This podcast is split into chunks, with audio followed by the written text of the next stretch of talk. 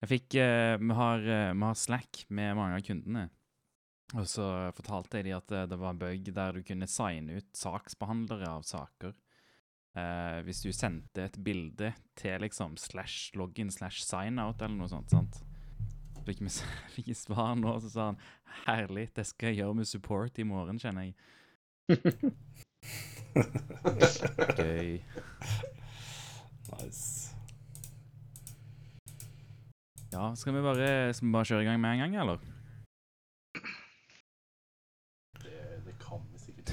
Tror jeg. Kan, kan sikkert det. All right.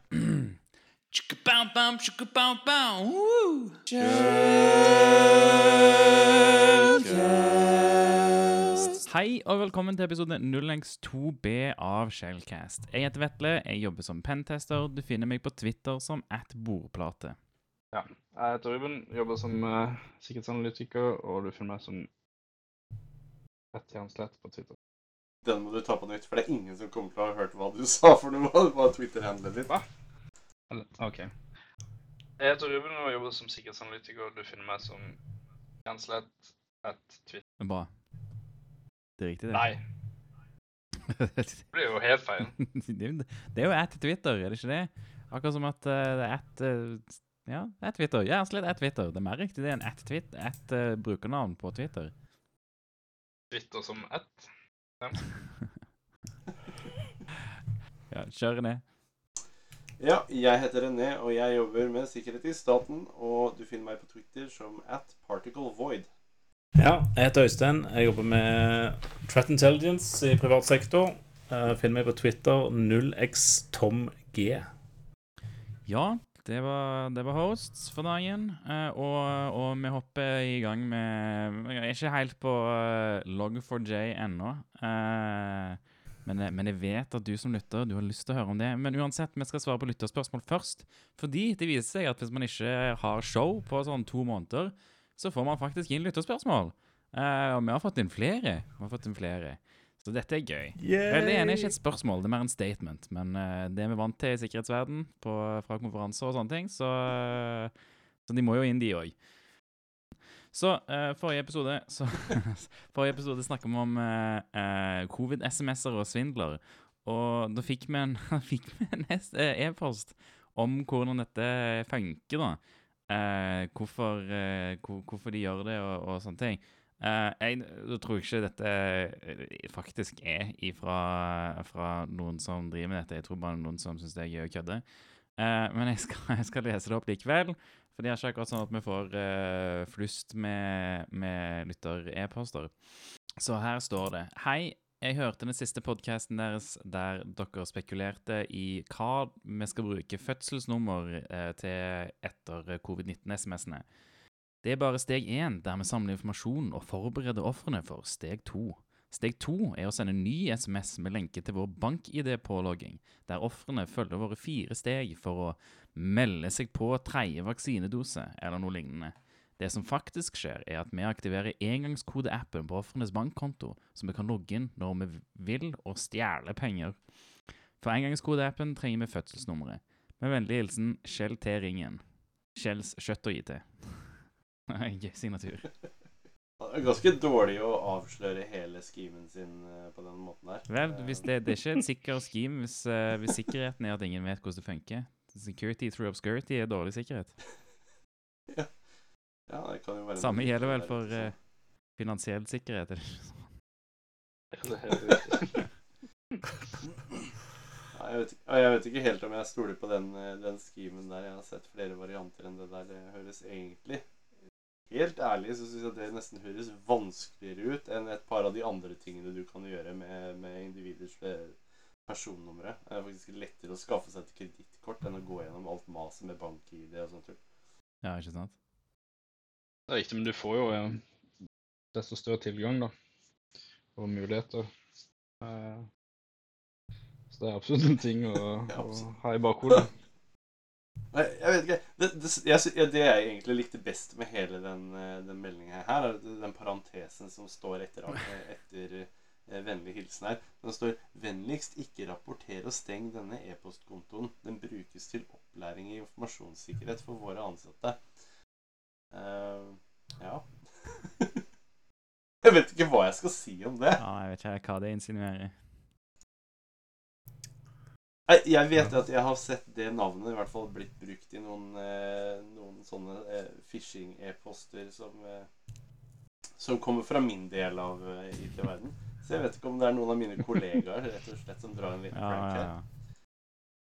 Skjelteringen er gøy pønn. Er dette en norsk statlig kjent uh, trusselaktør? Hæ? Der hvor jeg jobber, så er det det. det, det, det er nesten sånn War Story-materiale. Men eh, vi, fikk jo, vi hadde jo faktisk en sånn phishing-setting hvor eh, Kjell T. Ringen-navnet ble brukt. eh, og også eksponert i en e-post før selve phishingen foregikk. Det var eh, ganske morsomt. Jeg, jeg må dessverre si at jeg kan ikke si så veldig mye mer om hvordan resultatene gikk. Men vi har ikke hatt noen fishing phishing som ettersom jeg vet eh, i ettertid. Lukter testvirksomhet. Mm. Mulig. Ja, I hvert fall ikke av samme I hvert fall ikke av samme kaliber som den runden. Nice. Da beveger vi oss til siste spørsmål. Eh, nå er jo alle dere eh, mer Blue Team, eh, så, det si, så dette er vel eh, dette er vel eh, mer til meg eh, for nå. Jeg tenker jeg skal ikke, jeg skal ikke vente med dette spørsmålet til liksom neste gang vi spiller inn. At, hvem vet når vi svarer på spørsmålet da?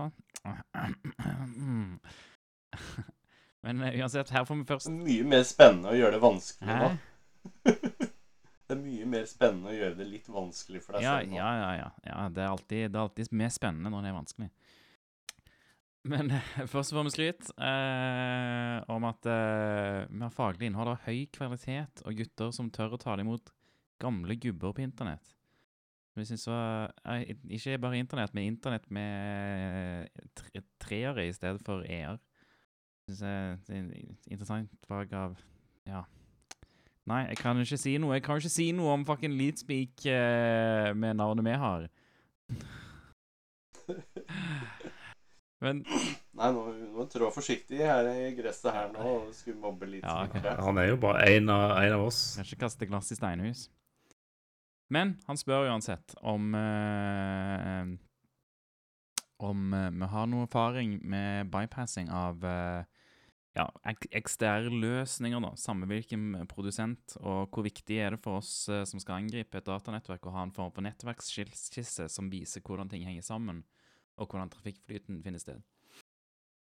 Så kan vi ta XDR først, da. Uh, bypass av Jeg har ikke, jeg har ikke sånn kjempemye erfaring med bypassing av diverse XDR-løsninger. Uh, det har liksom Det bitte litt. Uh, og bypassing antivirus, basically Jeg ser ikke jeg har ikke, jeg har ikke Det har ikke vært nødvendig for meg å se på det som noe mer enn det. Og, og det er jo alt det. Jeg føler ikke jeg har ikke vært borti noen løsning som er noe verre eller noe bedre enn noe annet, for liksom, bare for å kjøre payloaden, på en måte. Så jeg har egentlig ikke så mye å si om det. Eh, noen som har noe å si om det, eller? Altså, litt, litt vanskelig for meg å si, si, for vel, si veldig mye der, dessverre. Uh, det jeg egentlig bet meg mest i, i denne e-posten, er faktisk neste delen hvor jeg har noen ting å si. Uh, XDR dessverre er ikke uh, vært noe som jeg har hatt sterkt fokus på for øyeblikket. Kanskje i en eh, annen eh, fremtidig episode. Eh, jeg vet at det er noe av de tingene som, som kommer til å havne på mitt bord eh, i løpet av 2022 på et eller annet Mm. tidspunkt. Men ja, så, så Ja, nettverk, da. Det vi, vi kan ta for oss det. Uh, der, uh, der Det er alltids nyttig. Det er alltid, hvis, hvis noen har det, og leverer det til oss eh, før en fest uh, Før en fest. Der avslutter du deg. Nå vet vi det at du elsker å angripe ting. Det er derfor alle pentestene er i helgene, liksom. Ja, ja, det er fest. Fest. Benfest. Um, det, nei, men det, det er absolutt nyttig i, eh, i en test å ha, å ha skisse og, ha nettverksinformasjon. Sant?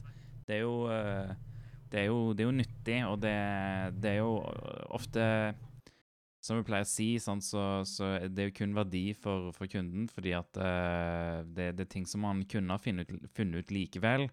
Uh, det bare det tar lengre tid, og det er liksom ikke det, det, det, er ingenting, det er ingenting som burde være hemmelig eh, i, i en nettverksskisse, på en måte. sant? Alt burde jo være beskytta ordentlig. Ehm, så så hvis du har sikkerhet ved at nettverket ditt er weird, så er ikke det så mye sikkerhet, egentlig. Eh, men, men som regel så er det jo bare Det er jo én map eh, i utgangspunktet, og så, og så eh, så bare ser man hva som, hva som er der. Også Bloodhound og sånne ting. Det gir, Bloodhound gir jo egentlig den beste eh, oversikten over nettverket. så det, er få kunder som har noe som er bedre enn bare se på Bloodhound-resultat, på en måte.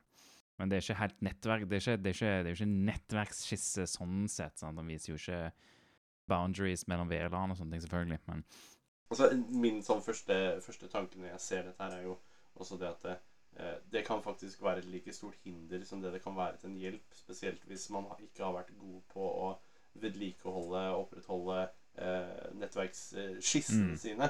For det er så mye endringer, i hvert fall i større nettverk. Nå sitter jeg i en del nettverk som har liksom tusenvis av, av noder som, som spinner hele tiden. Og eh, det, og jeg har også sett en del av disse nettverksskissene, som, det, som om man skal kalle det for det, eh, endre seg så mye at når du først har fått en oversikt over hvordan du tror at det ser ut, så hopper du inn i nettverket, og så finner du en hel haug med noder du ikke visste var der, fordi at de eksisterte ikke i, i, i eh, papirene du har fått. Og eh, noen ganger så rett og slett er nettverket kanskje delt inn på en annen måte enn det du tror. Så min opplevelse er vel egentlig bedre at man får en sånn idé om topologi i forhold til ok, her finnes det et nettverk, her finnes det en brannmur.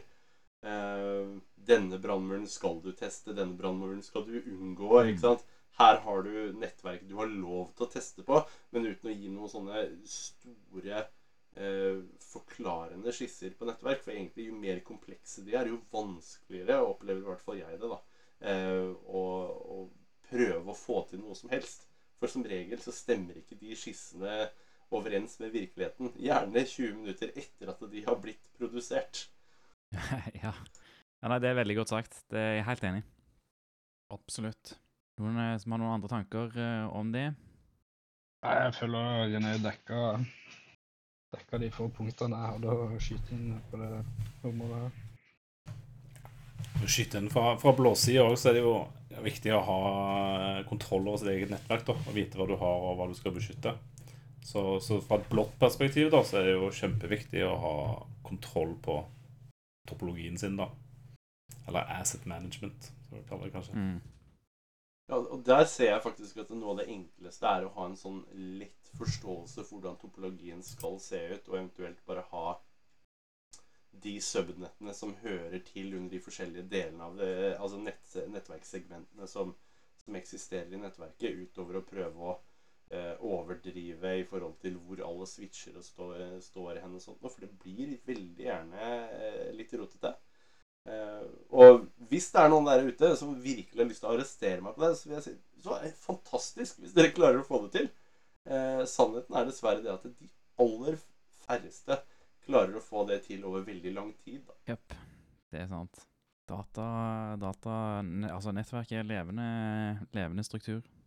Endrer seg hele tiden. Det er vanskelig å holde statisk dokument eh, dynamisk oppdatert. Der er det dritmye verktøy for det, er det ikke det? Vi bruker noe som heter Rumble, som er et eh, asset discovery-verktøy. for å, Det bruker vi i tester for å, eh, for å ha oversikt sjøl. Funker, liksom. Det det er bedre enn enn sånn Nessus òg gjør jo en sånn discovery-scan, men eh, det er mye bedre med dedikert asset discovery-verktøy, faktisk. Nesten litt trist at ikke vi har med oss Tobias her, for jeg skulle ønske vi hadde en sånn forkjemper for Zenmap. Åhå. Jeg trodde Zenmap bare var sånn der GUI-versjon av Nmap. Jo da, og det, og det var derfor jeg syns det var litt synd at Tobias ikke er med her nå. For at han hadde sikkert brent ned hus og gått over lik for å kunne fremme det at det faktisk er et godt verktøy. Uh, han gjorde meg oppmerksom på det på et eller annet tidspunkt. Nå er jo det legacy og oppdateres ikke noe mer. Men eh, ja, nei, det, det er faktisk noen gode ideer rundt det også. Jeg, det, dette er jo litt uh, korttenkt, men eh, jeg har tenkt Jeg har alltid tenkt på det som, som sånn der script kid i uh, GUI-greier. sånn, ah, du, du klarer ikke å bruke terminalen engang. Uh, bruke GUI for å bruke Nmap. Det er Dustetanke, men det er alltid sånn jeg har tenkt på det. Det, det utsagnet har faktisk jeg sikkert hatt uh, opptil flere ganger når jeg drev og underviste i, i, i sikkerhet og sånt noe tidligere. Eh, jeg, har, jeg vet at jeg har gått på noen sånne trash talk rants når det kommer til SendMap. eh, og jeg har faktisk måttet bite i det sure eplet i noen tilfeller når jeg fikk se Hvis du vet hvordan du skal bruke det, så kan du faktisk bruke det fornuftig til en del ting, ikke til alt. Ja.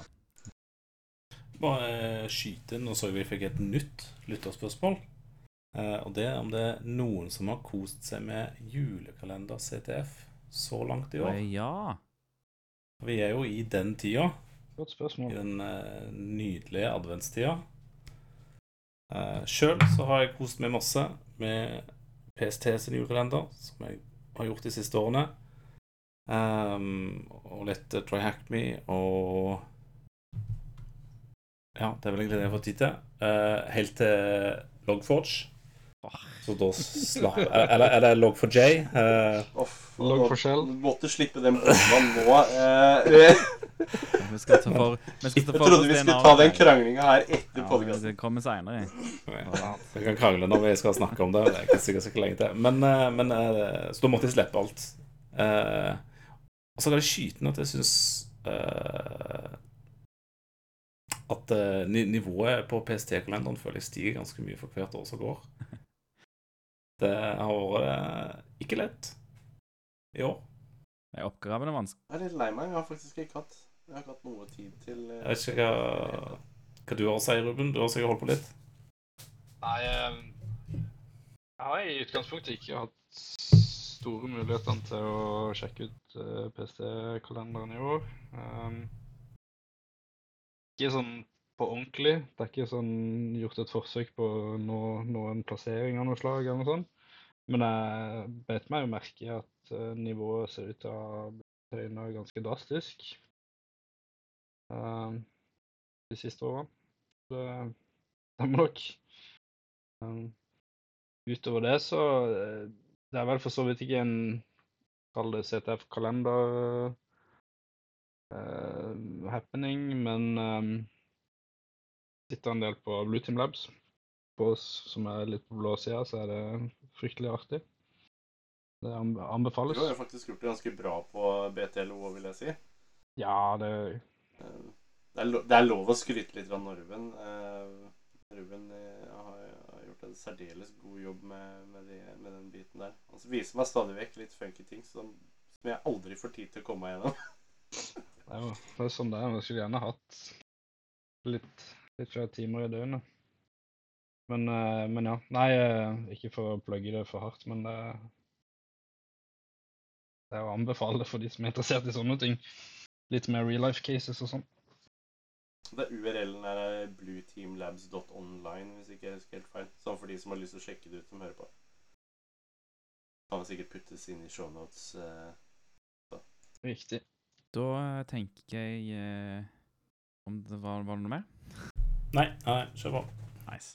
Da, da hopper vi over til War Stories. Uh, i, dag, I dag er det jeg som har War Stories. Uh, ikke, det er ikke, ikke en gøy War Story for meg, uh, gøyere for andre, vil jeg, vil jeg si.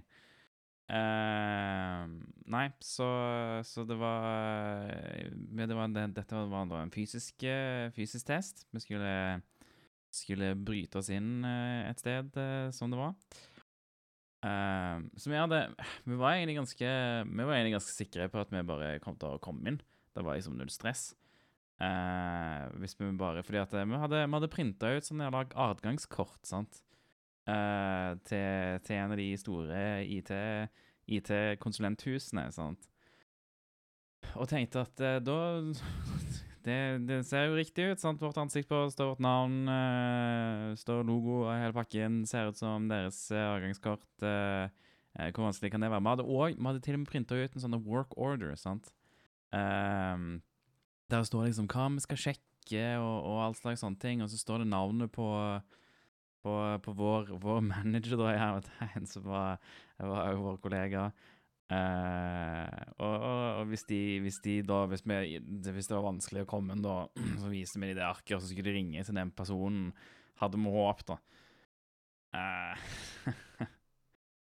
det, som, det som skjedde, det som skjedde, var at vi gikk inn, og så, og så sier vi hei, hei, vi er fra selskap. Vi, vi skal se på Vi vi må fikse noe greier på serverne deres. eh, Jeg husker ikke helt preteksten her. Men uh, vi sto nå der, og så, så står vi og snakker med resepsjonisten, og så, og så, så sier hun sånn uh, Ja, nei, har dere, har dere avtale? Og så sier vi ja, nei, vi har en avtale med, med IT. Uh, vi vet ikke helt eh, hvem, sant. Og så, så sånn Ja, nei, OK. Og så, så ringte hun faen meg til han IT-duden, IT-sjefen i selskapet, og spør liksom Ja, du, jeg har noen her ifra selskap. De skal, de skal se på server. Har de, har de noe avtale med deg? Og han sier selvfølgelig nei. Vi hadde ikke noe avtale med han. Så øh, Og så, så, så sier hun OK, nei, da, da kan jeg ikke slippe dere inn. Um, så Så du vet, øh, sikkerhet og sånne ting. Så sier hun at nei, vi har jo til og med en sikkerhetstest også, i forbindelse med dere, da.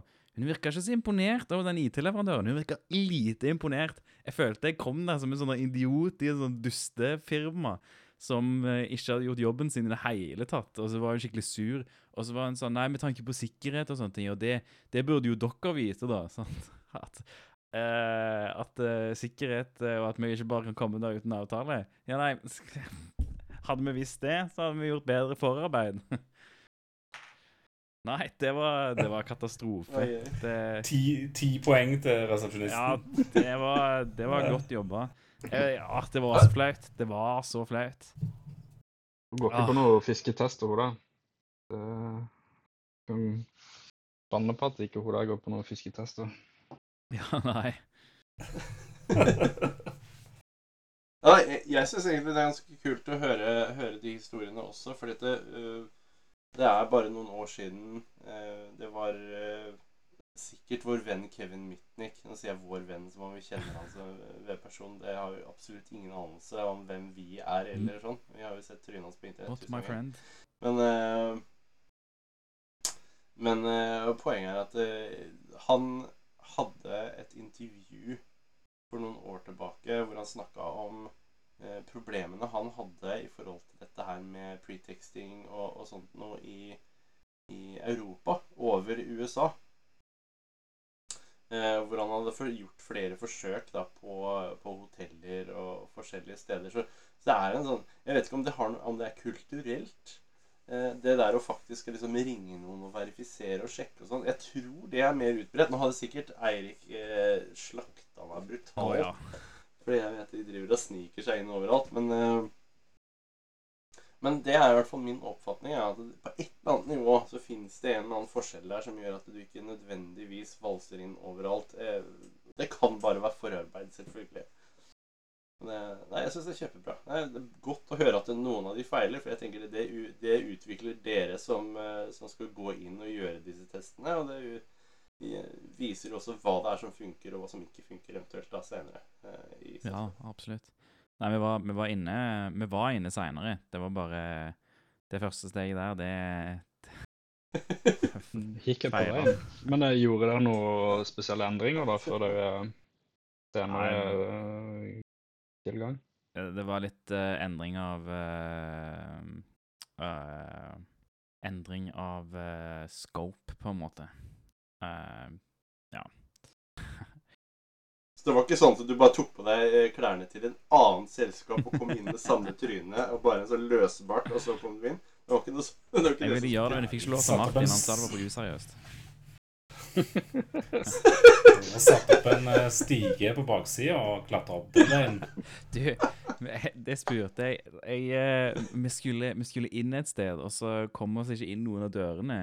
Og så var det en sånn stige sånn langt oppe. Så spurte jeg Martin Hei, kan, er det greit om vi drar og kjøper, eh, kjøper klatreutstyr og tau og sånt. Så sånn, nei, det er ikke greit. så jeg fikk, lov, jeg fikk ikke lov til det.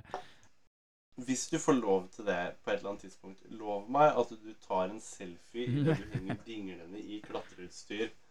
Eh, for det er noe jeg må se. Live update på Snapchat. Takk. Ja. Ja, altså Har vi fått se skoa til, til Eirik eh, mens han sitter på dass og venter, så burde vi kunne få lov å få en selfie av uh, Vetle som dingler i klatreutstyr. Ja, jeg, jeg lover jeg skal sende snap hvis uh, Skal til og med ta bilde og legge det i shownotes hvis jeg uh, noen gang får lov til å bruke det på en fysisk test. Fantastisk. Og nå håper vi da at Martin hører på den her, sånn at han vet at dette her er en challenge.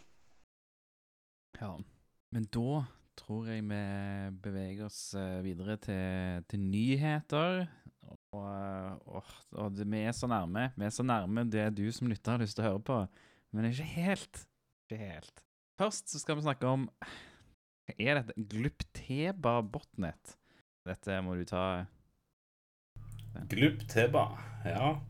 Uh, Glupteba er en eh, notorisk eh, botnet eller slash eh, eh, informasjonsstjeler som stjeler persondata og utvinner kryptovaluta på infiserte vertsmaskiner. Eh, og den eh, ca. 1 million PC-er så langt er infisert av det. Og det blir ca. 1000 nye hver dag i, i henhold til Digi.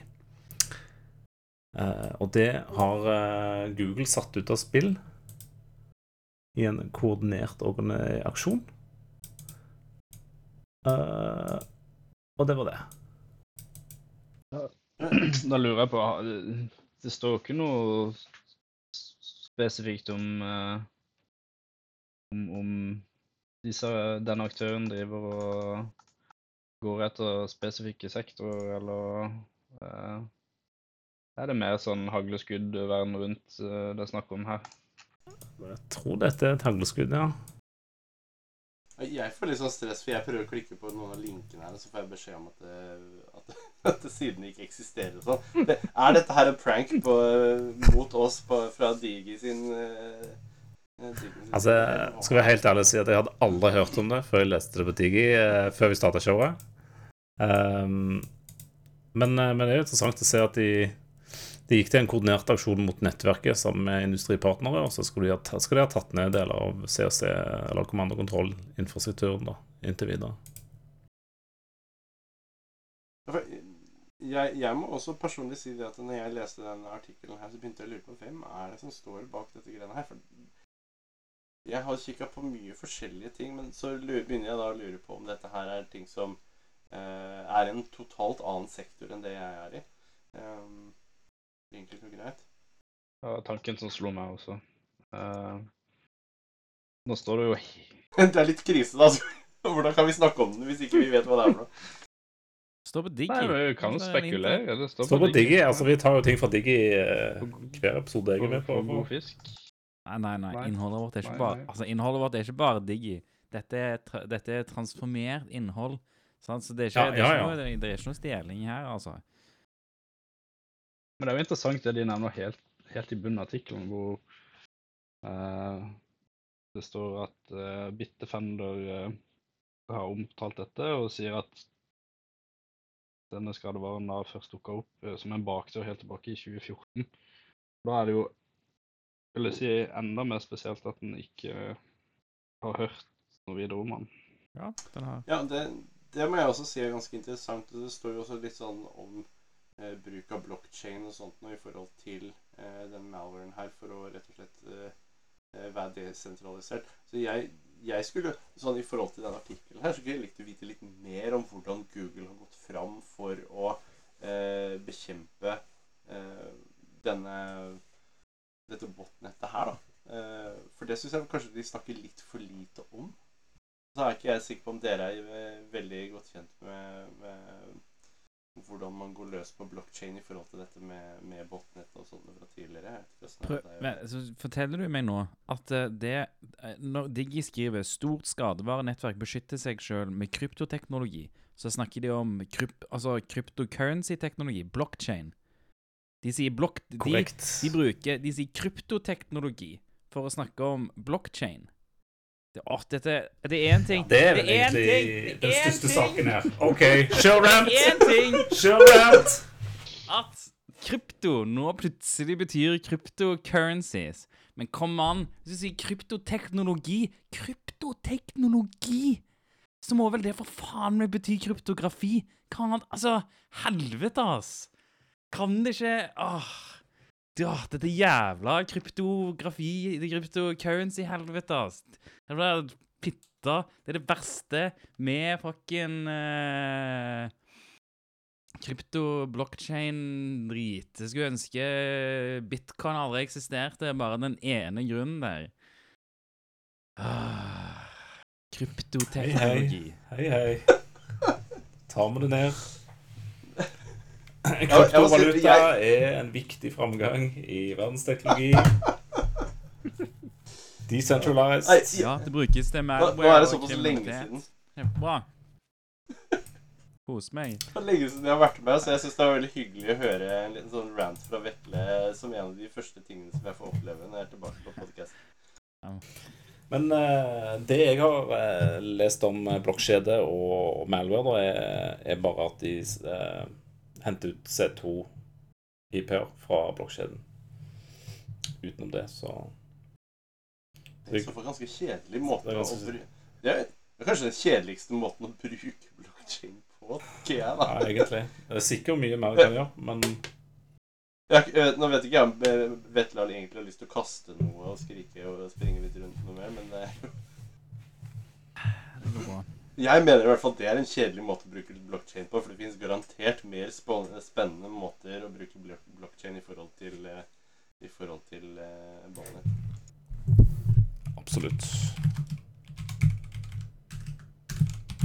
Vi hører musa og tastaturet ditt ganske sterkt, eh, Øystein. jeg, jeg holder alltid på å si Øyvind. Det er veldig irriterende. Samme. Jeg har slitt med det samme. Jeg vet, og jeg vet ikke hvorfor. Det er ikke din skyld. det var derfor jeg hadde en sånn øh, først. Er det videre til neste sak, da, eller? Jeg tror vi alle er så, vi er så spent på å komme videre til det som faktisk vi har lyst til å snakke om. Kjør neste. Det er selvfølgelig Grinder-botten som vi skal snakke om. Grinder bottom. Grinder. Elsker å snakke om Ikke boten til Grinder, altså. Nei, dette er bare en kort, uh, kort follow-up, egentlig. om fordi vi snakker om uh, Grinder og personvern og, uh, og sånt nå. Og Datatilsynet ga Grinder eh, 65, millioner, eh, 65 millioner i bot for at de ikke klarte å følge ordentlig ja, personvernlover og sånne ting. da. Så Forrige gang vi snakket om det, så var det bl.a. Eh, data som Grindr hadde solgt, ble misbrukt for å, å finne en prest, eh, katolsk prest eller noe, som var på Grindr. Jeg husker ikke om det var i USA, eller om det var i England, eller om han var katolsk i det hele tatt. Men det var en prest, i hvert fall. Eh, så Jeg elsker detaljnivået. Det det Jeg begynte med litt detaljer her, og så mer og mer diffust. Ja, ja. Jeg- skal ikke si noe, for jeg trodde at det faktisk var snakk om en bot og ikke en bot. Så jeg kan jo straffe meg selv også.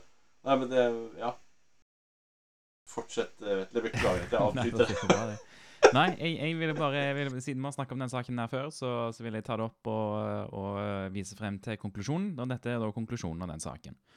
Eh, så, så over til en annen konklusjonssak. Så, så snakker vi om ubiquity-hacken, eller hack i hermetegn, viser det seg. Det var ikke en hack i det hele tatt. Det var, det var en insider employee som eh, En utvikler eller et eller annet sånt. Som, eh, som, hadde lika dataen sjøl. De hadde altså begynt med å sende e-poster og prøvd å extorte Ubiquity, og så hadde han lika Lika all dataen på egen hånd etterpå. Så, eh, og, det, og det kjenner jeg er ganske greit. Jeg ble litt eh, Jeg, jeg kjenner jeg ble litt bekymra for Ubiquity på ikke bare måten de håndterer Altså ikke bare hacken i utgangspunktet, men òg måten de håndterte det på. Det virka ikke som de håndterte det så jævlig bra. Og nå viser det seg at det, det var den ene jævla en kukk i selskapet som eh, som eh, gjorde det sjøl. Det viser jo til dårlig kultur i selskapet, men det er en fyr. Det er vanskelig å liksom Det er vanskelig å dra så mye konklusjoner ut ifra det, da. Eh, det gjør meg litt tryggere på Jubik på timen. mm, mm. Absolutt. Um, med ganske crazy move av vedkommende. Var ikke det Nå kan det jo hende at jeg husker feil, men var ikke det egentlig rykta Eller altså det var, det var snakka om at det var en mistanke om det ganske tidlig i den casen her. Jeg synes, eller blander jeg med noe annet? For jeg, jeg mener husk, Det var et eller annet eh, med utsagnene som ble diskutert på et eller annet tidspunkt. Fordi at det hørtes rart ut. Eller det var noe som ikke hang helt på grep, som, eh, som gjorde at det var eh, spekulasjoner rundt om det var rett og slett lik fra, fra en, eh, en sånn disgruntled employee, som de så pent kalte det, hvis ikke jeg husker helt feil. Da får dere gjerne arrestere meg hvis dere husker noe om dette her i det, hele tatt. Nei, jeg er usikker. Jeg syns det beste var at eh, vedkommende var òg med på forensics-teamet som, skulle- som skulle jobbe med dette etter bridgen. Eh, og gjorde en eh, ganske god effort for å skjule sin rolle i hendelsen. Ikke godt nok, i er hvert fall. Du, nei, ikke godt nok, men det er sånn at du klarer nesten ikke finne på sånne historier som dette engang. Det er helt vilt. Det er litt fascinerende, egentlig. Hvis du, er, det- hvis du gjør det, og du er med på, på etterarbeidet, hvorfor, hvordan, hvordan klarer du å ikke skjule det, på en måte? Jeg føler, jeg føler Hvis du har en insider som er med på forensics av det, da, da ligger du tynt an i å prøve å finne ut hvem det er som har gjort det. Det er liksom litt sånn der episode av Dexter. Jeg synes Det er jo bare med å bekrefte på hvor sykt mye bevis det ligger bak forensics. liksom. Til og med når du jobber med det og kan det, så er det fortsatt vanskelig å skjule alle sporene. Um, Men det er jo tiden. Jeg mener også at det, det på en måte poengterer litt sånn behovet av å, at et selskap ikke nødvendigvis gjør sin egen forensics. godt poeng. Ja, ja egentlig. Godt poeng. Men i det tilfellet her så var det ikke det at han eh, nødvendigvis Hva skal jeg si Grunnen til at han ble tatt, da, var at de kunne koble hans eh, jobb-PC til nedlasting av dataen pga. at internett falt ned, og, og denne Surfshark VPN connection eh, eh, ble droppa i en gitt tid, da. Um, og det hendte mm. visstnok flere ganger, da. Og Ja. Her er jo en sånn one in a million-historie, som du sa. det, det er jo så, det er en sånn tegneseriehistorie. Det er nesten for morsomt til å være han, sant. han hadde en VPN-lekkasje, så, så leksa der er jo å ha ikke sitt på wifi. altså program som, som på, Ja, det, men det er også å ha en, en failsafe i VPN-en din som sier at hvis noe kutter, så kutter du all trafikk. Eh, og det fins jo i flere av disse tjenestene. Har du ikke killswitch på VPN-en din, så kill dropp switch, ja. VPN-en din. Exactly. Kast VPN-en din, brenn den. Eh, er kanskje ikke så lett å brenne noe som er digitalt, men eh, du kan jo prøve. Jeg har sett folk Bare bruk noe krypto. med- Det kan sikkert gjøre det. Du kan bruke blockchain. OK, men da, da beveger vi oss videre fra, fra Ubiquity over på uh, Nå vet jeg ikke hvem som la inn denne saken. Uh, Zero Day exploited to spread emotet malware. Eh, Hvilken Zero Day Det er Microsoft uh, Det handler om Microsoft Patch Tuesday? Ja, det stemmer. Så det ser ut til at det er en, en sårbarhet i Windows AppX-installeren. Som tydeligvis har en, eh, har en sårbarhet som både Emotet og Trickbot og Basaloader har uh, utnytta seg av, og som er aktiv, eh, under aktiv utnyttelse. Den eh, har en eh, score på 7,1. Og så har den liksom Jeg opplever det litt som at dette her er jo egentlig en relativt sånn viktig ting å, å trekke fram. Og så føler jeg det at det har drukna litt i løpet av den siste uka som har vært. Så jeg må helt ærlig talt si det at når jeg satte meg ned med, med, eh, med Patch Tuesday-lista, så var jeg nesten ikke eh, interessert engang, for jeg var allerede ganske godt opptatt med andre ting. Så det å, å, å lese om den sårbarheten her gjorde meg jo litt svett, for da tenkte jeg shit, hva er det neste som kommer nå? Håper jeg noen klarer å klippe bort den hostinga mi på, på, på sisten der. Har du tatt eh, covid-test i dag, eller? Nei, jeg har ikke støvsugd her nede heller, og jeg er ganske tøft eh, støvallergiker. Ja, ok. Ja, nå fikk ikke jeg med meg i starten her. Var det, var det det? Var det noe mer å si om det, eller? Nei, altså, jeg vet liksom ikke helt hva jeg skal si for noe. Eh, det er jo Jeg vet for, En, jeg vet faktisk ikke hva Windows App X er for noe. Så hvis noen av dere vet hva det er for noe, kan dere veldig gjerne forklare det for meg. For jeg føler meg som et komplett idiot når jeg ser dette her. Og så ser jeg det at eh, det er en bunch med malware-grupperinger som da faktisk benytter seg av en sårbarhet i noe jeg ikke vet hva er for noe. Men det kan jo bare være for at jeg ikke vet hva Windows er for noe omtrent. Apex er vel en form for uh, sånn quick install, uh, one click uh, run-opplegg i Windows, er det ikke det? Eh, jeg husker ikke helt nøyaktig hva det er for noe. Vi har jo sånn, sånn, en annen ting som har kommet tilbake, som, er liksom, som har sneket seg med i den listen her, som er sånn eh, tilbakevendende mareritt. Og det er jo enda en eh, sårbarhet, og en privesk sårbarhet, i Windows sin printspuler. Eh, jeg tror vi snart kan begynne å konkludere med det at vi skal droppe printere til Windows. Ja, droppe printere hadde vært lurt. Bare å droppe printere. Hvem trenger å printe ut ting, egentlig? Nei, det er bare å slutte å gi printerdrivere admin-rettigheter alltid. Ja, men user Ja. mode, user mode eh, eh, drivere, det, det er legit, eh, det er legitte saker, det. Jeg vet ikke om de Altså, drivere er jo drivere, da. De skal jo kommunisere på lav level interfaces, USB og sånne ting. Hvis du skal kommunisere direkte, så, så er det forståelig at de må sammen ha administrator. Jeg vet ikke om user mode drivere gjør seg så mye bedre i, i form av liksom privilegering heller. Jeg tror, eh, jeg tror der sitter du fortsatt De driverne sitter nok fortsatt som admin, men det er mye lavere sannsynlighet for blue screens og, og sånt noe, da. Og det er jo selvfølgelig bedre om exploits ikke går direkte i kernelen, men, eh, men heller et lag over. Da blir jeg liksom bekymra når du snakker om det at du ikke får så ofte blue screen og sånn i forhold til drivere. Jeg har slutta å ha Windows på maskinen min fordi at den hadde kontinuerlig blue screen eh, omtrent hvert 20. minutt. Men i Linux så kjører den dønn stabilt. Jo, men, men, men er eh, user mode-driver er ikke så populært ennå. Du er nødt til å skrive en user mode-driver. Du, eh, du kan ikke bare oversette en fra curl til user mode, på en måte. Ja, så er det nok måter å gjøre det på i, i, hvis du har kildekoden, men uh, så, så mye av det er jo fortsatt uh, kernel. Og Microsoft er heldigvis litt greiere med folk enn Apple. Apple er litt sånn Nei, vet du hva, nå, nå er vi ferdig med kernel-drivere. Nå er Null. Null av det. Kun her, i er user mode eh, API-et, bruk det. Sånn, jeg mener, det, det funker, men eh, det, det tjener ingen, ingen venner, for å si det sånn. Microsoft er jo kjent for uh, bakordkompatibilitet, sånn sett. jeg, tror, jeg tror mange Jeg tror folk generelt sett, sensus i IT, tror jeg at mm, det er bra. Og så tror jeg uh, i, i sikkerhet så sier vi nei, please, slutt. Vær så snill. Jeg, jeg tror du har ganske rett i det der. Ja.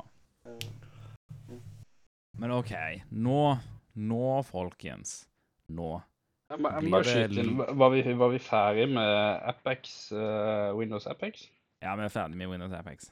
Hvis ikke du har noe å skyte inn, du får veldig gjerne Ja, for- skyte inn alt du kan om Ja, nei, altså det- Grunnen til at jeg har lyst til å skyte inn var at jeg erindrer at det var noe kjent med den overskriften der. Uh, og det viser seg at uh, det var en del artikler lansert eller publisha 1.12., hvor uh, er Emo- Emotet Spreads uh, via fake Adobe Windows App Installer Packages. Så det, det her har da tydeligvis pågått en stund.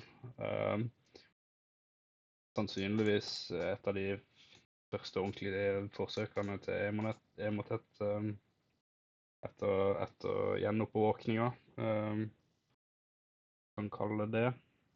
Eh, og da utviklinga da ser ut til å være at flere malware-grupperinger da ser ut til å hive seg på, hive seg på den vektoren. vi gjør det, så blir Da blir jeg litt sånn nysgjerrig, for at jeg lurer da på hvilken sånn marketplace er det de har gått og sånn shoppa zero daysene sine fra. Hvis det er flere grupper som samtidig som kaster seg på en trend, så enten så har det vært mye snakk om den potensielle sårbarheten, eller faktiske sårbarheten, i forkant, sånn at de har tid til å på en måte kaste seg på trenden. Eller så går de til samme eh, jeg kalle det Rema, Rema eh, Unnskyld. eh, Unnskyld til Rema. Eh, det bruker dere som et eksempel nå. Eh, ikke kast stein eller, eller saksøk meg. Eh, skal vi kalle det for malware-grossist eller zero day-grossist? Eh, som da aktivt har vært ute og solgt en sårbarhet. Rema Zero Day. Se for seg det. Så det er så First Price Zero Day. Unnskyld, unnskyld til First, Price. Unnskyld. Rema 1000, Rema Zero. Jeg kjenner at jeg kommer snart til å bli liksom forbudt til alle, i, alle, i nærheten av alle sånne dagligvareforretninger. Jeg må fra og med nå smugle alle varene mine gjennom sånn, sånn mules som går og handler for meg på Kiwi og sånn. Ja, nei, nei men eh, Nei, det, er, jeg vet ikke hvor man handler Zero Days. Uh, jeg. Eh, det, er nok, eh, det er nok som du sier. Det er nok uh, De går nok til samme sted. Hvis du er en lytter og vet veldig mye om hvor du kjører, kan kjøpe Zero Day, så send det inn til Vetle. Han lurer på, fælt på hvor han kan få tak i Du, det, det hadde vært jævlig praktisk. Eh, av, og til, av og til så sliter man litt i en pentest, spesielt av webapper. sant? Og så, så, så skulle man gjerne brukt litt penger på bare ikke På at det ikke var så flaut. Fiver? Fiver er sikkert High fint. five for Betal, betal noen fem dollar for å finne et. Hva? Kanskje var så mye dyrere enn det. Hæ? OK. da er vi, er vi ferdig med Apex og Emotet, tenker jeg. Ja, da, da folkens, da er det på tide, på tide med logg for jul. Og eh, Ja. hvem, har, hvem har lyst til å introdusere dette? Eh, René? Ok, det ja, OK.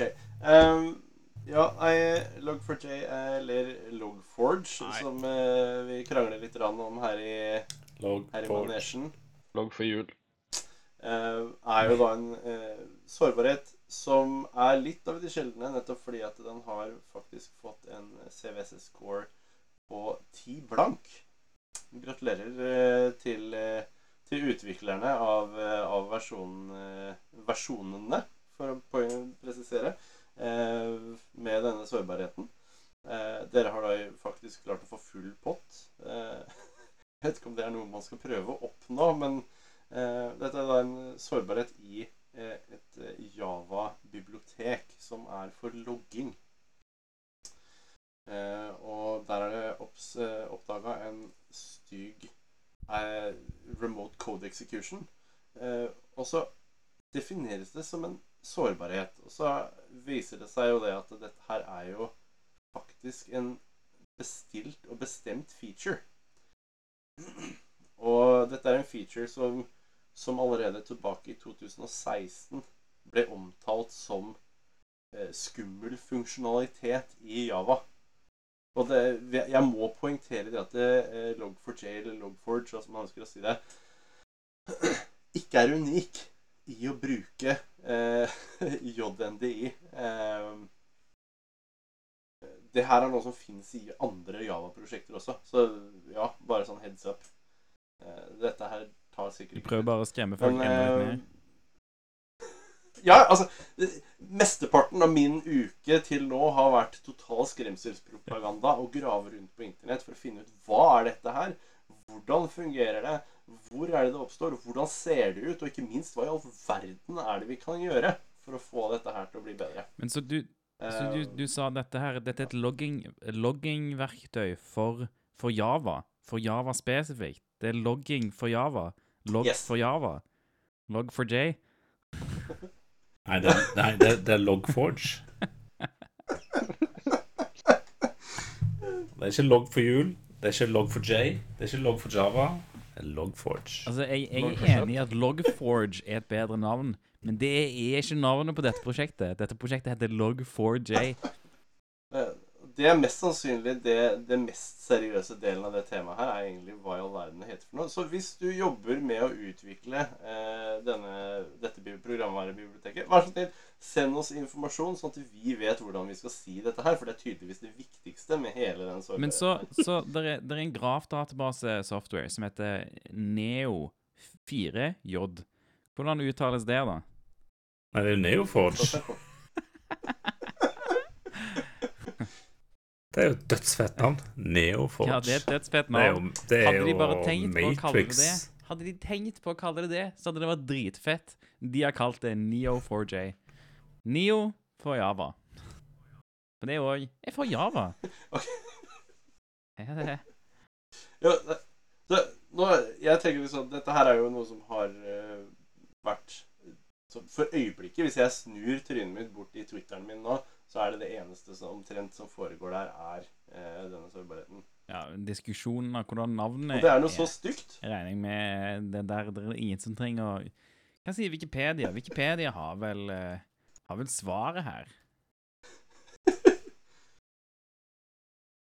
Det her er sånn typisk sånn derre red team-trolling, eh, tror jeg. Ja, ja. Eh, her inviteres vi for å snakke litt om, eh, om en sårbarhet vi finner, og så er det eneste vi får, er å sitte og krangle på hva det for prosjektet faktisk er. Det er alt jeg har å tilby. Det Nei, jeg eh,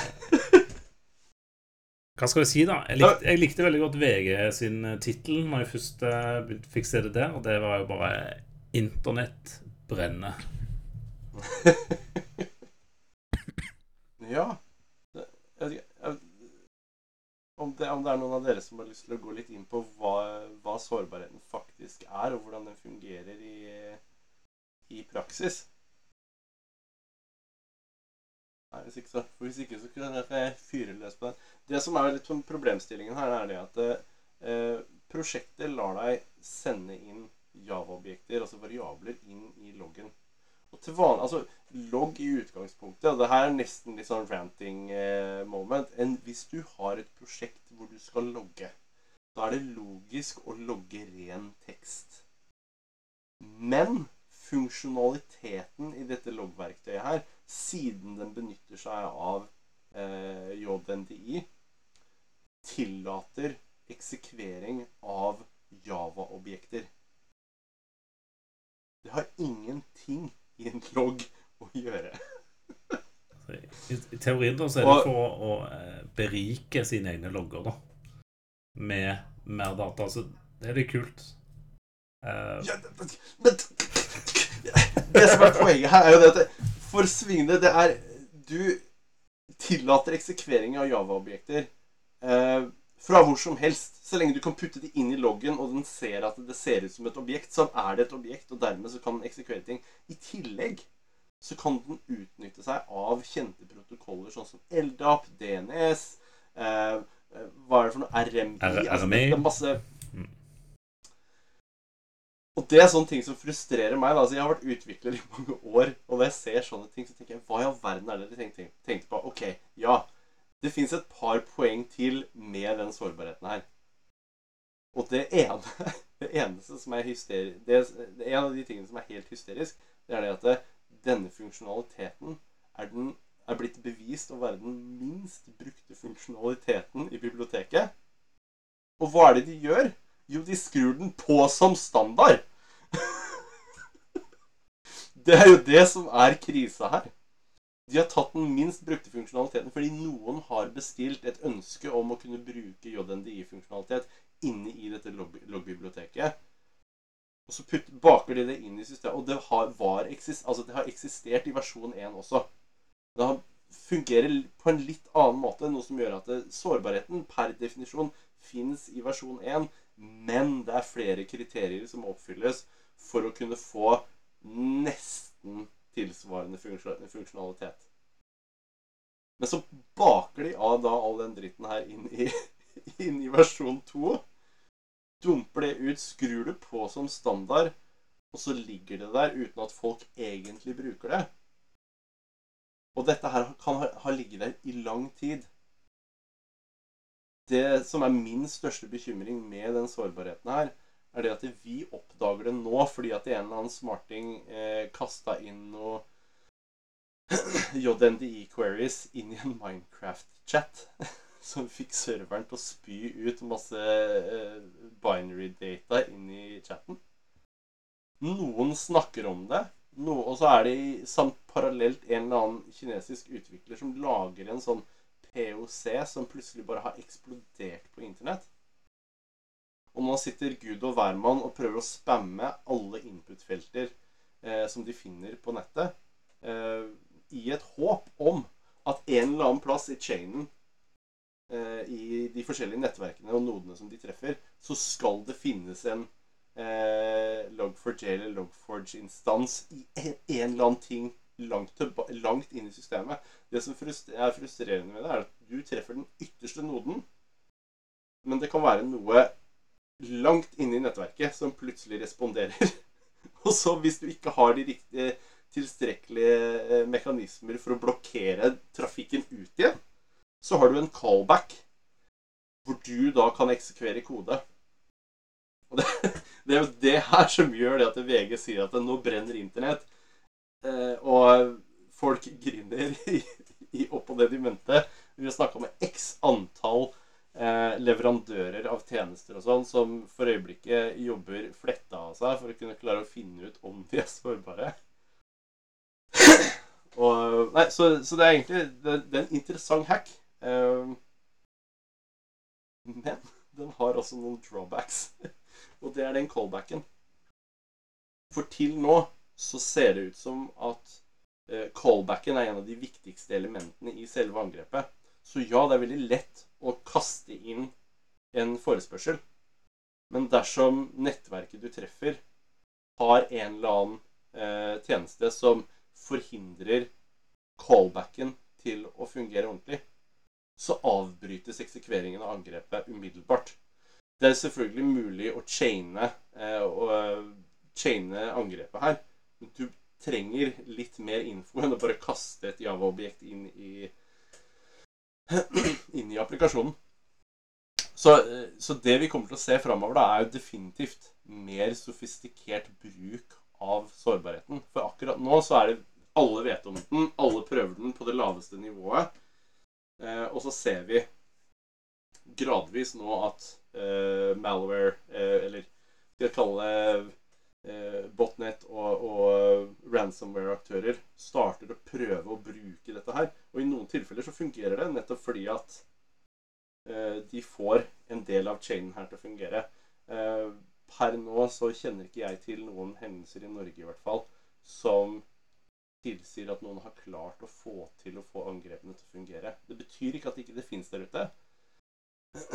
Men enda så er i hvert fall ikke jeg kjent med noe. Så vet jeg ikke om noen av dere Jeg føler at jeg, jeg ble så fired up, for jeg ble vekt klokka ni. Liksom. Jeg, jeg var våken. Jeg satt på jobb, og så ble jeg vekt klokka ni av en sånn For jeg satt og testa en annen webserver og fant, satt og jobba med et funn som jeg hadde på en webserver. Og så plutselig så får jeg sånn fra sidelinja Du, har du sett den sårbarheten her, eller? Fikk, fikk kaffen, i, kaffen i halsen klokka ni. Altså, klokka så ti over ni fredag morgen eh, starta jeg min sånn tur ned i det kaninhullet her. Og har egentlig ikke gjort noe annet eh, 24 timer i døgnet fram til i dag. Så hvis dere lurer på hvorfor jeg er litt, er litt sånn fired up rundt alt dette her, så er det nettopp fordi at jeg har fulgt med på alle mulige rare eh, malware-utviklere og ransomware-rykter og, og sånt nå. Så blir det spennende å se for framtiden, for nå dukka opp et rykte på Twitter om at eh, noen er i ferd med å gjøre dette her til en orm.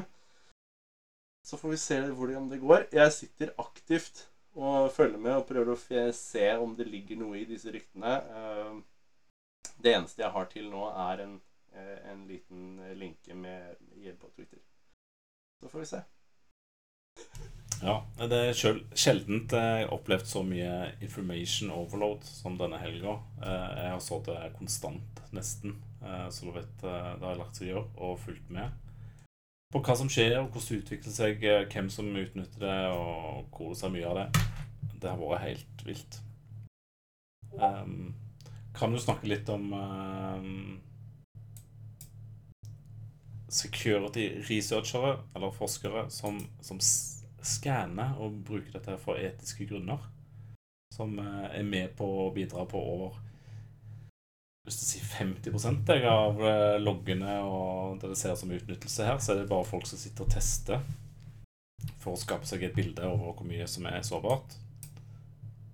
Er det, er det en positiv ting eller en negativ ting? Altså Jeg liker jo Showdown eh, godt sjøl, men eh, når, når veldig mange selskaper, som i dette tilfellet har vært, eh, hopper på og begynner å skanne for dette, så, så blir det sykt mye støy i logger og sånt. Jeg har lyst til å slippe til Ruben her, for jeg har så mye på hjertet om det i forhold til den casen der. Men jeg tenker sånn at det, kanskje Ruben har noe han har lyst til å snakke om om akkurat dette her. Nei, altså, du er nok dypere satt i, i det her eh, enn det er. Så hvis du føler en trang, så, så er det bare å kjøre på. Det er klart, men det er altså Jeg prøver å Ja. ikke Nei, altså, vi, vi alle på, på blåsida har nok vært i vinden i, i løpet av helga. I varierende grad, sikkert alt ettersom. Men uh, ja. Nei, altså, det er et par ting som, som ikke nødvendigvis har vært prata like mye om, da, eh, når det kommer til Log4j, Log4j, eh, Log4Shell, eh, er jo, er jo holdt jeg på å si, de aspektene ved OK, greit, nå, nå, nå, nå er det full skanning, hele internett brenner, som ene tittelen var. Um, men det er en del sånne aspekter ved, ved det som er på en måte verdt å bite seg merke i. Um, som f.eks. at litt mer sofistikerte aktører som allerede sitter på innsida av et nettverk, um, kan se sitt snitt til å prøve å utnytte dette ja, litt mer eh, mer stealthy, da. Um, hvor de allerede sitter med fotfeste og sånt, men, men kanskje sliter med å eh, pivotere i nettverk og, og, og slike ting. Det er et sånn eksempel på et eh, aspekt som ikke det nødvendigvis er prata noe videre om. Som vi der jeg jobber i hvert fall har hatt litt fokus på. Um, det, er interessant å høre hva, hva andre tenker om, om den type ting. Eh, i, når på en måte hypen har lagt seg og um, realiteten treffer litt hardere. Fortell litt eh, når du snakker om eh, at, at vi har researchere som sitter og bomber oss fra utsiden. Og min sånn tanke er det, litt sånn som det Ruben snakker om her, er at ja, ok eh, Den ene siden av det er jo all trafikken som kommer utenfra nå, som eh, er med på å gjøre oss snøblinde i forhold til hvilke aktører er det som er realistiske, som prøver å komme seg inn. Og så er den andre siden av, av dette her. Eh, litt sånn, Jeg skrev om det på, på LinkedIn min tidligere i dag. Eh, aspektet med at nå når vi våkna på fredag og vi ble varsla om at eh, nå brenner det Hva om det var noen som satt på innsiden og så varsellampene gå og begynte å pakke stille og fredelig pakke sammen alt de hadde, og så forsvinne ut igjen? For de hadde allerede kommet inn ved hjelp av eh, utnyttelsen. Eller sånn som Ruben sier, da, at du har en aktør som egentlig allerede er på innsiden, eh, og som ønsker å nå lenger inn i, inn i systemet, og har muligheten til å utnytte dette her og få callbacks fra, fra eh, ting lenger inn i nettverket, sånn at de kan enklere pivotere inn og dypere inn i systemene. Eh, og jeg er litt sånn bekymra for at en del av de der eh, anbefalingene som er ute nå, handler mye mer om den eksterne trafikken på vei inn.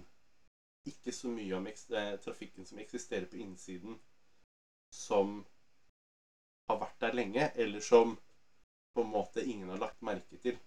De, man glemmer å skanne eh, de interne systemene, for man fokuserer på det som skjer på utsiden. Mm. Ja, Godt poeng. Eh, viktig å se på trafikken som er på vei ut. og, og sånt. Og jeg, sleit mye med det sjøl når jeg begynte med dette, å finne eh, ting å jakte på da, som eh, som var post exploitation, da, og få se liksom eh, hva mer er det som skjer her enn bare skanning. Uh, og det syns jeg egentlig fortsatt er vanskelig, selv om uh, det er jo flere flere ting som er oppdaga, både av coinminere og botnet og sånt som utnytter den sårbarheten. Uh, Så det er fortsatt lite IOC-er på av de mer avanserte aktørene og på hva de holder på med. Så vi, vi, jeg føler vi fortsatt famler litt i blinde på noen områder. Jeg har et sånt råd som jeg ønsker å gi til alle de som sitter der ute som eventuelt holder på med dette her, eller som på en måte er, plutselig begynner å tenke på det vi snakker om nå, da, når vi begynner å snakke om ting som er på innsiden. Eh, og det er å se på historikken har du historikk i nettverket ditt og muligheten til å se på historiske både interne og eksterne brannmurer eh, og, og applikasjoner. Ikke bare fokusere på de strengene og, og Log4j-exploiten. Og dægeren, her kom det litt Unnskyld, det får vi klippe. Mm. Nei, ikke, ikke bare se på eh, det som eksploiteres fra på en måte Log4j har blitt, blitt kjent. Ta det lengre tilbake i tid. Med tanke på at dette her var advarsler som dukka opp allerede i 2016.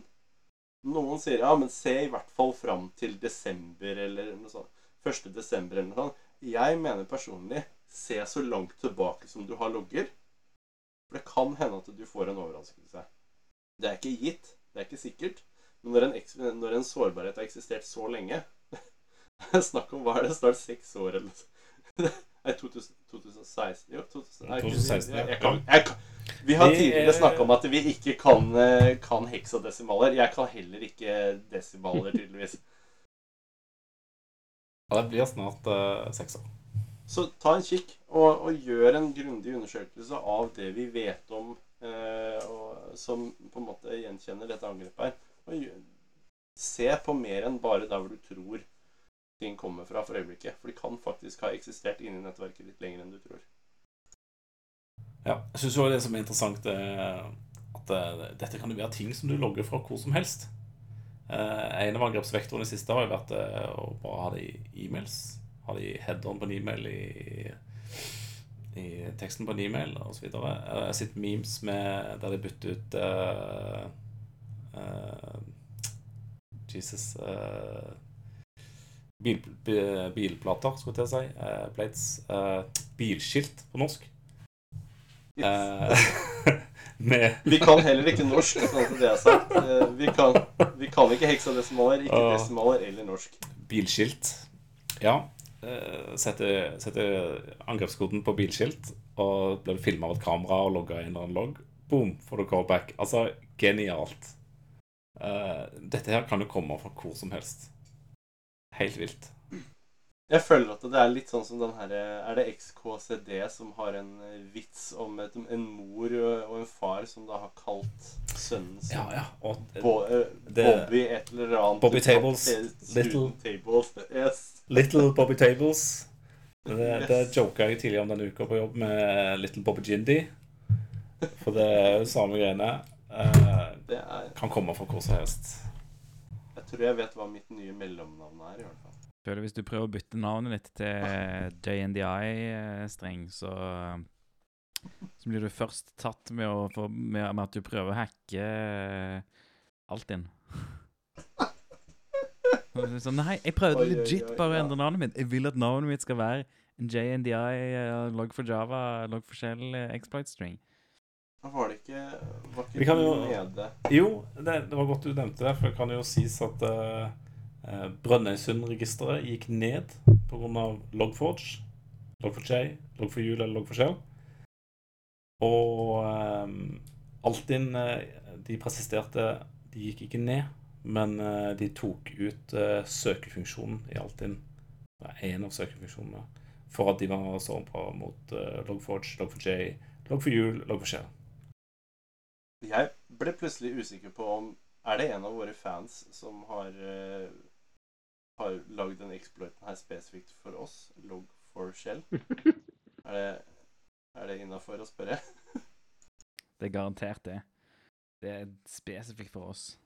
Nei, jeg, jeg skjønner ikke jeg, jeg forstår ikke hva, hva skal man med disse loggrammeverkene. Er det ikke nok å bare bruke console print? Skjønner ikke. Nei, men ærlig talt, hva, hva, hva er det de gjør for noe? Hva, hva, hva slags ekstra funksjonalitet er det du får med å ha et fancy, schmancy logging-rammeverk? Det var tydeligvis Java-objekter, da. Som er jævla pene i loggen. Kjempenyttig. Løsningen her det er jo bare slutt å logg. Slutt å logge. Bare, eh, Ikke, logg noe som helst. Nå, må jeg, tror jeg nesten at jeg må sende en eh, melding til arbeidsgiveren din og si at unnskyld meg, men vet dere hva han lirte av seg på en podkast? Altså, var Vits. Jeg bare klipper bort vits. Jeg klipper bort at du sa at det var en vits. Jeg har klippet bort at det var en vits. Nei, men, eh, men, men, men hva slags Men, men sånn seriøst, hva slags verdi eh, er det dette gir? Er det ikke bedre Er det ikke bedre å, å logge vanlig til, til output, og så ingeste det somehow? At når man logger, så i hvert fall har man et ordentlig format som det er lett å skrive Skrive regular expressions for, liksom. Er ikke det mye bedre? Og så ingester du det type i i stedet for at utvikleren skal sitte og gjøre masse fancy eh, drit i uh, weird rammeverk. jeg, jeg, jeg er helt med på hvor du kommer fra på, i det spørsmålet her, men jeg ser jo også det at en del av disse loggverkene Nå, nå kjenner ikke jeg eh, dette spesifikke loggverktøyet fordi jeg kan ikke Java for fem flate øre. Men eh, av erfaring så har jo en del av disse bibliotekene ekstra funksjonalitet som lar deg koble til andre systemer eh, tilpasse loggene sine til formater som forstås av eh, forskjellige eh, API-er og andre rammeverk igjen, sånn at du skal få en sånn unison opplevelse av hvordan ting loggføres osv. Så, videre. så det er jo rett og slett bare for at eh, de utviklerne som selv ikke gidder å skrive den funksjonaliteten, skal bruke det. Og det er jo akkurat sånn som alt annet som er av eh, kodebiblioteker. Det er rett og slett for at folk er for late til å skrive sitt eget. Eller ikke har tid, ikke får lov. Eh, ja, det fins eh, masse grunner til hvorfor man da velger å måtte bruke et loggrammeverk. Og så har du de da som bare rett og slett dropper å logge. Eh, jeg har ingen kommentar som jeg ønsker å ytre offentlig i forhold til sånne mennesker. For guds skyld, husk å logge alt. Logg alt for alltid. det er sikkert veldig GDPR-fornuftig.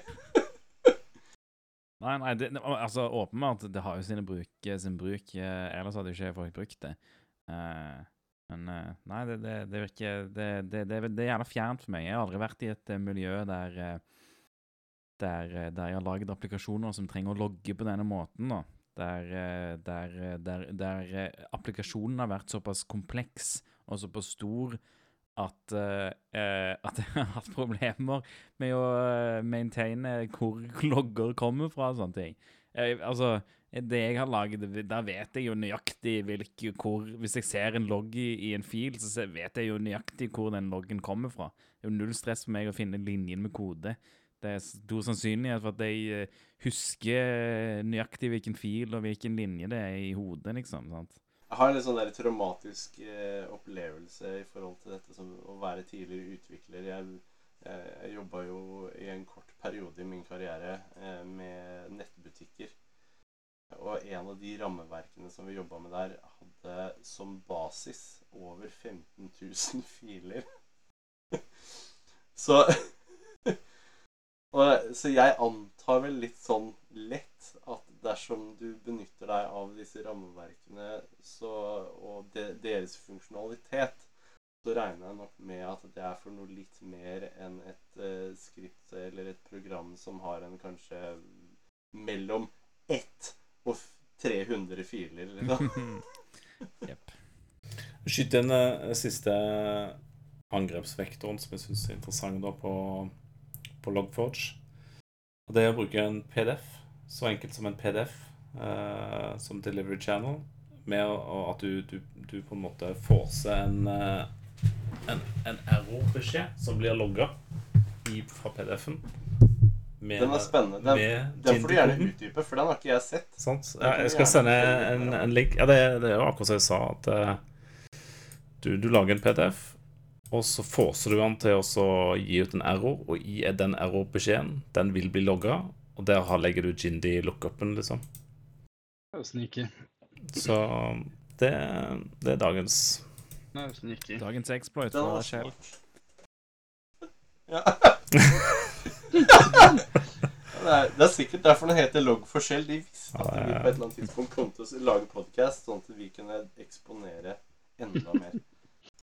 Ja. Nei, er, er, er, er, nå, nå går vi Ja, jeg skal ikke si det går på overtid. Ja, kan det være noe overtid? Det, men er det noe mer å, er det noe mer å si? Er det noen som har noe mer å si? Jeg må ha en liten shout-out til uh, Curated Intelligence. De, uh, der er det gode IOC-er å hente. Det er github.com slash curated-intel. Bindestrek. Jeg trodde du skulle ta shout-out til log4jmemes.com. det syns jeg var jævlig bra. det, det. Det har jeg kost meg med. Jeg vil, Jeg har også kost meg med den. Ja. Når vi snakker om det, jeg kan anbefale alle de som er eh, nysgjerrige på eh, interessante måter å, å bruke Log4j på, så har også VX Underground dumpa en drøss med kildekode, eller i hvert fall binære, til eh, malware som, som nå aktivt bruker, eh, bruker Log4j, Logforge, eh, sårbarheten. Eller skal vi kalle den for det den er, CVE 2021 44228. Eh, husk den, for det kommer mest sannsynlig til å være i hvert fall for en stund framover tilsvarende som MS 08067 var i sin, sin tid.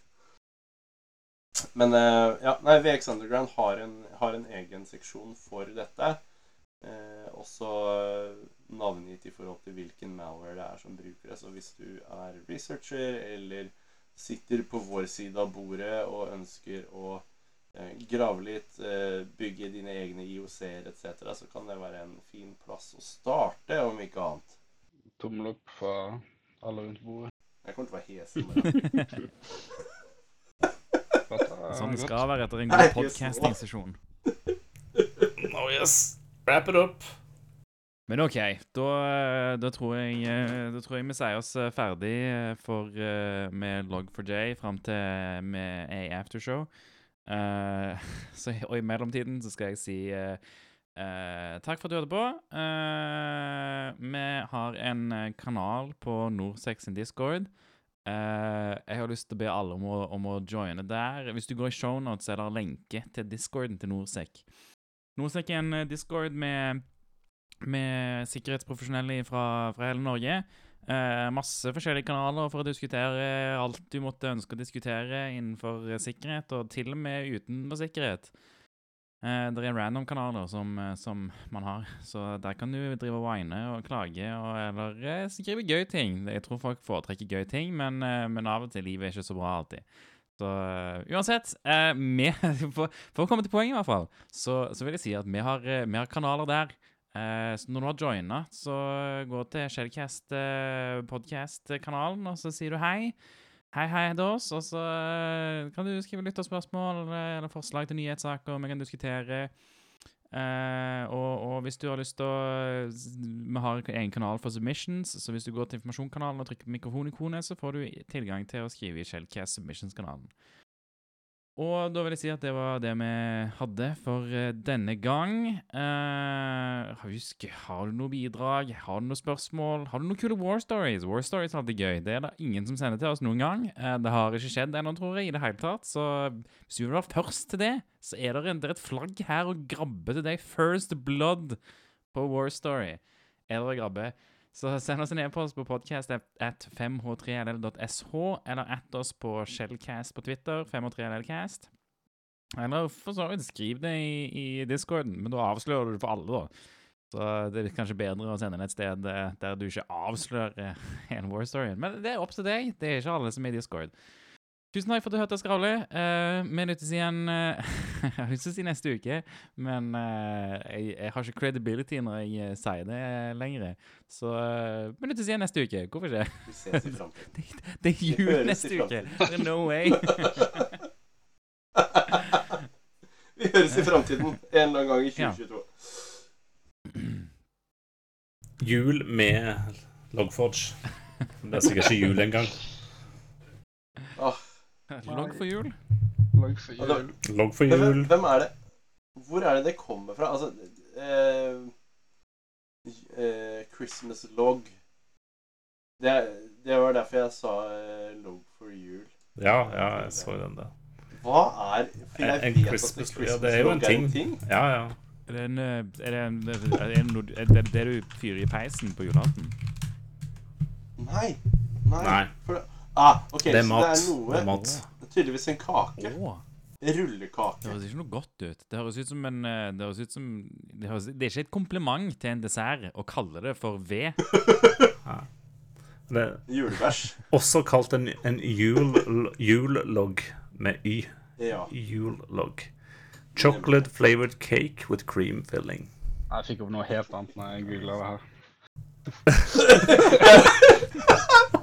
Det, det hjelper å ikke søke på Pornhub. Ja, feil side, vet du. Hei, hei.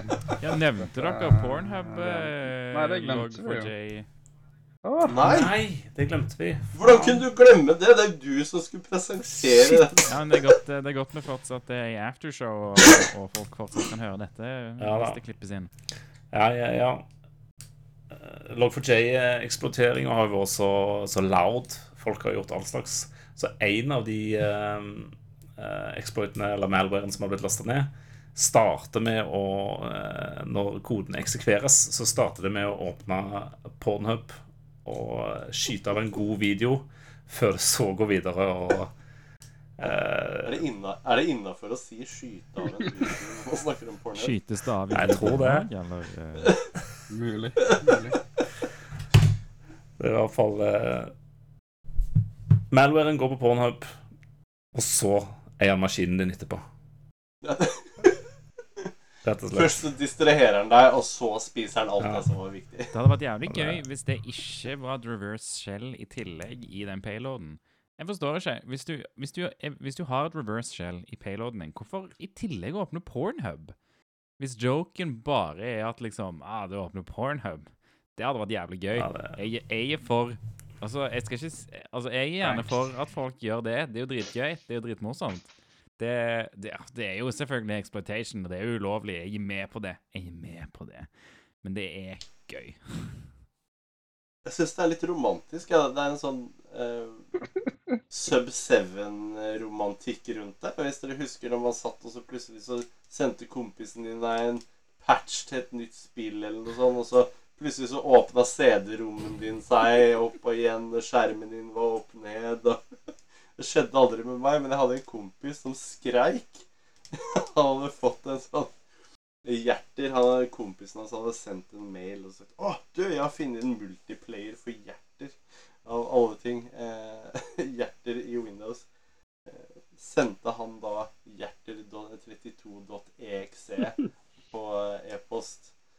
Kompisen min gikk fem på og var forbanna fordi at det ikke funka. Og plutselig så var skjermen hans opp ned, og CD-rommen bare gikk sånn inn og ut. Inn og ut. Jeg syns det er noe sånt over det. Så det er litt sånn mimreverdig da, å få Pornhub og reverse shell. Det er litt Er altså, det, det får meg til å tenke på Jeg vil ikke ha det. Jeg vil ikke ha Ikke send det til meg. Det får meg til å tenke på sånn Jeg har sett en del sånn eh, randomizer eh, Jeg vet ikke om dere har sett sånn randomizer speedruns, Pokémon og sånne ting. Eller eh, Chaos mod-dritgreier. Der spill Jeg syns for, for, for eksempel det, det noe sånn GTA ka, Kaos-mods der bare alt slags random ting skjer. Sant? Det er gøy å, å, å, det er gøy å se på av og til når det dukker opp på YouTube. Så dette, dette, føles, dette, dette føles som en chaos-mod på PC. Det er sånn uh, chaos-mod for rapportskriving. Ja, det skjer random ting med PC-en din mens du skriver rapport. A wild porn movie appears. Super effektiv. Gotta catch them all. Sitte i uh, ja, en chaos-mod for uh, Teams-møter. Når det gjelder skjerm, så Altså, jeg må hva s- som skjer. Skulle gjerne vært med Altså, jeg må helt ærlig talt Helt ærlig talt si det at jeg hadde lyst til å sette opp en sånn honeypop bare for å fiske de der Pornhub-linkene for å se hva i all verden det er de sender til folk. Ja, det er surprise fish on you, skulle jeg si. Det er jo det at dette blir de der mattevideoene som han har blitt kjent for, han ene læreren. Så er det sånn Nei, det er ikke noe porno likevel. De prøver egentlig bare å utdanne folk i matematikk. Og blir skuffa. Sjekker han i Det- potten og forventer noe juicy, og så får du ligninger istedenfor.